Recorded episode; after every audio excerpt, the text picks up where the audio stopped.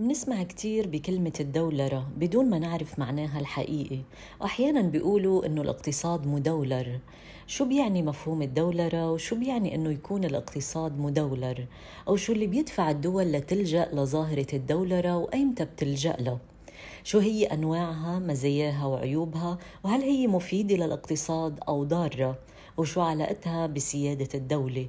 ومين الدول اللي اتبعت هالظاهرة؟ وهل نجحت فيها أو فشلت؟ إجابات هالأسئلة هي محور حلقة اليوم من ثراء بودكاست. أهلا وسهلا فيكم بحلقة جديدة من ثراء بودكاست. أنا دكتورة وفاء سبيتي أستاذة التمويل بالجامعة الأمريكية بالكويت مهتمة بنشر الوعي والثقافة المالية. شو هو مفهوم الدولرة؟ الدولرة هي عملية بتتخلى فيها الدولة عن عملتها الخاصة وبتتبنى عملة دولة أكثر استقرار بشكل رسمي وقانوني. بأغلب الأحيان بتكون هالعملة هي الدولار الأمريكي. لأنه مثل ما بنعرف أنه الدولار الأمريكي هي العملة المهيمنة بالعالم اقتصاديا ومن أكثر العملات ثباتا بالتعاملات الاقتصادية. فإذا ببساطة الدولرة بتعني استخدام عملة أجنبية ومعاملتها مثل العملة المحلية للدولة وغالبا بتكون هالعملة دولار الأمريكي. شو هي أنواع الدولرة؟ عندي ثلاث أنواع رئيسية. عندي الدولرة الرسمية أو الكاملة ومعناها الاستبدال الكامل وبصورة رسمية للعملة المحلية بالعملة الأجنبية اللي بتصير هي العملة القانونية بالدولة. مثل ما صار ببنما سنة 1904 والإكوادور سنة 2000 والسلفادور وغواتيمالا سنة 2001 رح أحكي عنهم بتفصيل بعد شوي. عندي الدولرة شبه الرسمية وهي استخدام العملات الأجنبية إلى جانب العملة المحلية بحكم القانون لحتى تقوم بالوظائف الأساسية للنقود مثل ما هو الوضع بهايتي واللاوس وكمبوديا. عندي الدولرة غير الرسمية أو ما يعرف بالدولرة الجزئية وهي استخدام العملة الأجنبية بشكل واسع بالمعاملات والصفقات والعقود المالية اللي بتمارسها الجهات الاقتصادية المحلية الخاصة مع بقاء العملة المحلية كعملة رسمية قانونية مثل ما هو الوضع بالأرجنتين وبيرو والمكسيك. ايمتى بتلجأ الدول ظاهرة الدولرة. من أهم أسباب لجوء الدول للدولرة هو عدم استقرار الاقتصاد وعدم قدرة البنك المركزي على مواجهة نسب التضخم العالية والانخفاض الكبير بقيمة العملة الوطنية وعدم استقرارها أمام العملات الدولية واللي ممكن يترتب عليه انهيار قوة العملة الشرائية. وبصير الناس يحطوا ودايعهم بالعملة الأجنبية بدل من العملة الوطنية. فإذا الدولة بتاخد قرار الدولرة لما يعاني البلد من التضخم المالي وانخفاض قيمة العملة. مين البلدان اللي اتبعت الدولرة؟ أول دولة بنما. بنما كانت أول دولة اتبعت الدولرة بشكل كلي من سنة 1904 لما انفصلت عن كولومبيا. بدأ اقتصاد بنما باستعمال الدولار الأمريكي وكان له عدة آثار إيجابية على الاقتصاد. مثلا بعام 1990 انخفض مستوى التضخم ببنما بشكل لافت ووصل ل 1% ولكن ظلت الدولة معتمدة بشكل كبير على برامج المساعدات والتمويل الخارجي وكمان الدولة ما منعتها من التخلف عن سداد ديونها الخارجية بالثمانينات. عندي الإكوادور الإكوادور لجأت للدولرة سنة 2000 كمحاولة أخيرة لتخرج نفسها من أزمة اقتصادية مدمرة. فقام رئيسها بإعلان قرار بفيد تخلي الدولة عن عملتها اللي كان اسمها سكري لصالح الدولار بخطوة كانت مفاجئة وغير متوقعة وبدون دراسة مسبقة. وبسرعة بعدها انتشرت المظاهرات والاحتجاجات بشكل أدى للإطاحة بالرئيس وما نجحت الدولرة بحل مشاكل الإكوادور الاقتصادية. عندي كمان السلفادور. بسنة 2000 أقرت الهيئة التشريعية بالسلفادور قانون بيأمر رسميا بالدولرة الكاملة للدولة. ولكن بحالة السلفادور ما كانت الدولرة نتيجة يأس اقتصادي مثل ما كان الحال بالإكوادور. نسبة التضخم كانت مقبولة لحد كبير حوالي 1.3% وكمان ما انصدم السلفادوريين لنفس درجة صدمة الإكوادوريين لما تبعت دولتهم الدولرة لأنه الكولون اللي هي عملة السلفادور السابقة كانت استعملت مع الدولار لمدة 8 سنوات يعني كانوا العملتين يستخدموا بنفس الوقت. وكان للدولرة بسلفادور بعض النتائج الإيجابية انخفضت نسب الفوائد على القروض المستهلكين والرهانات من 17% ل 11% ومن الدول كمان اللي تبعت ظاهرة الدولرة كانت تيمور الشرقية لما استقلت عن أندونيسيا وغواتيمالا. أصدرت سنة 2000 قانون بيسمح بتداول الدولار مع أنه آه، ما أقر الدولرة الكاملة. وعندي دول كمان مثل كوستاريكا وهندوراس ونيكاراغوا ومن التجارب اللافتة لاتباع ظاهرة الدولرة هي تجربة زيمبابوي. زيمبابوي شو عملت؟ عملت اختبار الدولرة لمعرفة إذا كان اعتماد العملة الأجنبية يمكن أنه يجنب ارتفاع التضخم وتحقيق الاستقرار بالاقتصاد.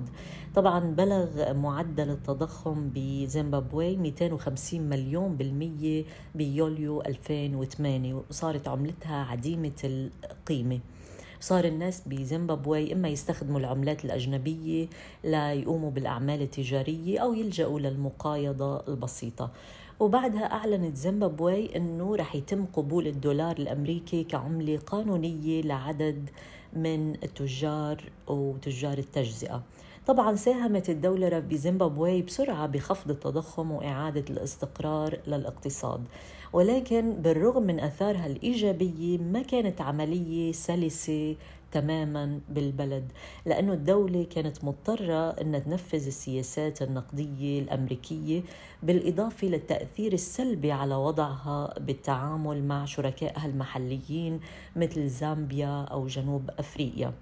فما كانت تقدر تخلي سلعتها وخدماتها أرخص بالسوق العالمية من خلال خفض قيمة عملتها. بعام 2019 عكست زيمبابوي مسارها من خلال إعادة تقديم دولار زيمبابوي جديد واستمر الاستخدام الكبير للدولار الأمريكي كعملة بالسوق السوداء. طبعا ما بنقدر نحكي عن الدولرة بدون ما نحكي عن تجربة لبنان. لبنان بالنص الثاني من الثمانينات شهدت العملة اللبنانية دورات متتالية من الانخفاض بقيمتها. هالشي أدى إلى خسارة اللبنانيين قيمة ثرواتهم ومدخراتهم اللي كانوا يحتفظوا فيها بالعملة الوطنية. وأدى كمان لخسارة الموظفين قيمة أجورهم بظل اقتصاد بيعتمد بالدرجة الأكبر على الاستيراد.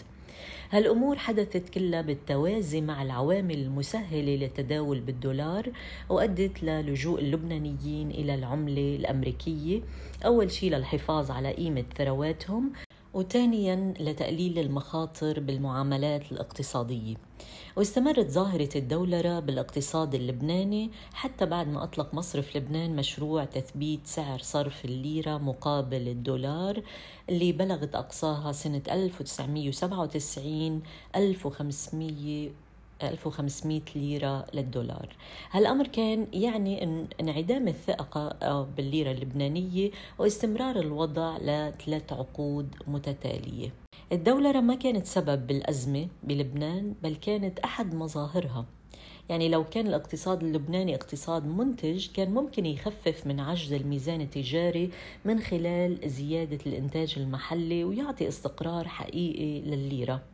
وكانت تقلصت نسبة التعاملات التجارية بالدولار وبالتالي تراجعت نسبة الادخار بالعملة الأجنبية. ولكن اللي صار العكس كانت الحلول اللي إجت بعد الحرب قائمة على توسيع الفجوة بالميزان التجاري من خلال تثبيت سعر الصرف وبالتالي زيادة الاعتماد على الدولار بالاقتصاد. فالمودع بيعرف إنه أي انخفاض بقيمة الليرة يعني إن رح تفقد قدرتها الشرائية بشكل مساوي لانخفاض الليرة لأنه معظم الاستهلاك بالبلد قائم على الاستيراد. وهالأمر ساهم لحد كبير بفقدان العملات الصعبة وزاد الضغط على سعر صرف العملة المحلية مقابل الدولار.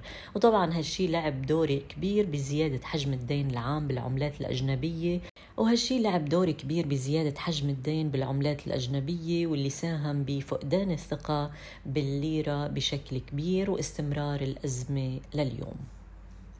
فإذا هيدي كانت تجارب بعض الدول مع الدولرة شو مزايا وعيوب الدولرة؟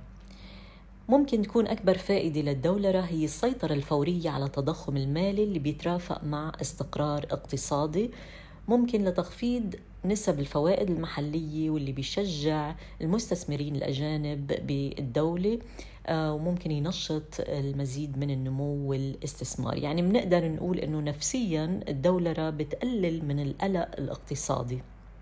فبتبدأ الدول باستبدال الاحتياطي النقدي لها من عملتها المحلية بعملة الدولار الاكثر استقرار لتبدأ التعاملات بالأسواق الداخلية والخارجية وتشعر بالأمان نوعا ما. ولكن كمان الدولرة لها كثير من الأضرار والسلبيات أهمها فقدان الدول الشعور بالاستقلالية الاقتصادية. بمعنى فقدان الدولة تحكمها بسياستها النقدية والتأثير بالأسواق وعدم قدرتها على اتخاذ أي قرار بيتلائم مع الأوضاع المحلية. لأنه الدولة اللي بتتبع نظام الدولرة بتكون تحت رحمة التقلبات اللي بتصير بالعملة الأجنبية وقرارات البنك المركزي الأجنبي. والاقتصاد القائم على الدولار بالكامل بيفقد البنك المركزي دوره كمقرض وملاذ أخير لنظامه المصرفي. ولأنه العملة المحلية هي رمز لسيادة الدولة استخدام العملة الأجنبية بدل من العملة المحلية رح يضر أكيد بسيادة الدولة ويزعزع ثقة الشعب بالحكومة. لأنه مثل ما قلنا بتفقد الدولة تحكمها بسياستها النقدية وعدم قدرتها على التأثير بالأسواق بمعنى أنه بتفقد استقلالها الاقتصادي. وكمان من العيوب هو الخطر السياسي. لما بتتبع الدولة مثلا مثل لما تبعت السلفادور الدولرة شنت القوى السياسية المعارضة هجوم كبير على الدولة لأنها باعت نفسها للإمبريالية الاقتصادية على حد قولهم.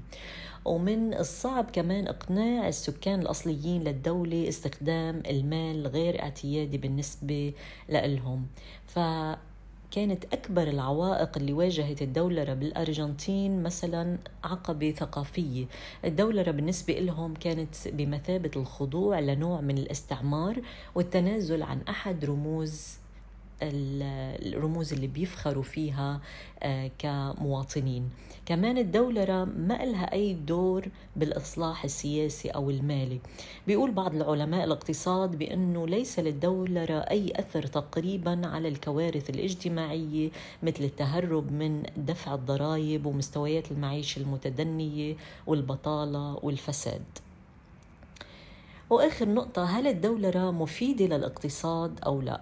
تعددت الأبحاث والدراسات اللي حاولت تحديد إذا كانت الدولرة بما فيها الدولرة الشاملة مفيدة للاقتصاد أو لا والنتائج اختلفت بين الدراسات. بعض الدراسات قالت إنه انعكاسات الدولرة على الاقتصاد مش مؤثرة. ليش؟ لأنه الاقتصادات المدولرة ما شهدت أي نمو اقتصادي إضافي. في بحث بعنوان الدولرة والأداء الاقتصادي لاقتصادي اسمه سيباستيان إدواردز أظهر أنه بنما الدولة اللي اتجهت للدولرة الشاملة ما شهدت نمو إضافي باقتصادها بين سنة 70 1970 و 1998 مقارنة مع الدول الغير مدولرة. وكمان كانت كلفتها على الاقتصاد يعني كلفة الدولرة على الاقتصاد ببنما كانت كبيرة. بالمقابل بتظهر دراسات تانية أنه الدولرة ساعدت بعض الدول بالسيطرة على التضخم مثل زيمبابوي. هلا بالنهاية لازم نعرف أنه الدولرة مش دواء لجميع الأمراض الاقتصادية. لاحظ الباحثين بالمجال أنه من الصعب تقييم الكلفة والفائدة للدولرة لسبب بسيط وهو قلة الحالات السابقة والمماثلة. يعني ما في مجال للمقارنات. بمعنى عدم وجود سجل تاريخي للمقارنة. أول شيء معظم الدراسات التحليلية نظرية. ثاني شيء عدد قليل من الدول اللي مارس الدولرة بشكل كامل. وكل واحدة من هالدول كانت مختلفة عن الثانية بالحجم والأسباب والظروف اللي أدت لتحويل العملة. بينما هي الدولة الوحيدة اللي كان عندها تاريخ طويل بالدولرة وعندها آه، علاقة سياسية واقتصادية قوية كتير مع الولايات المتحدة. وأكثر من هيك الدولرة هي عملية دائمة. مش ممكن تكون دولرة مؤقتة. يعني رح يكون من الصعب تقييم تأثير الدولرة الكاملة إذا ما عاشت معظم البلدان تحت تأثير الدولار لسنوات طويلة جداً. ولهون بنكون وصلنا لنهاية حلقة اليوم من ثراء بودكاست. حكينا فيها عن شو بيعني مفهوم الدولرة وشو يعني أنه يكون الاقتصاد مدولر وشو اللي بيدفع الدول لتلجأ لظاهرة الدولرة وأيمتى بتلجأ لها. أنواعها مزاياها وعيوبها وهل هي مفيدة للاقتصاد. شكرا جزيلا لوقتكم وحسن استماعكم.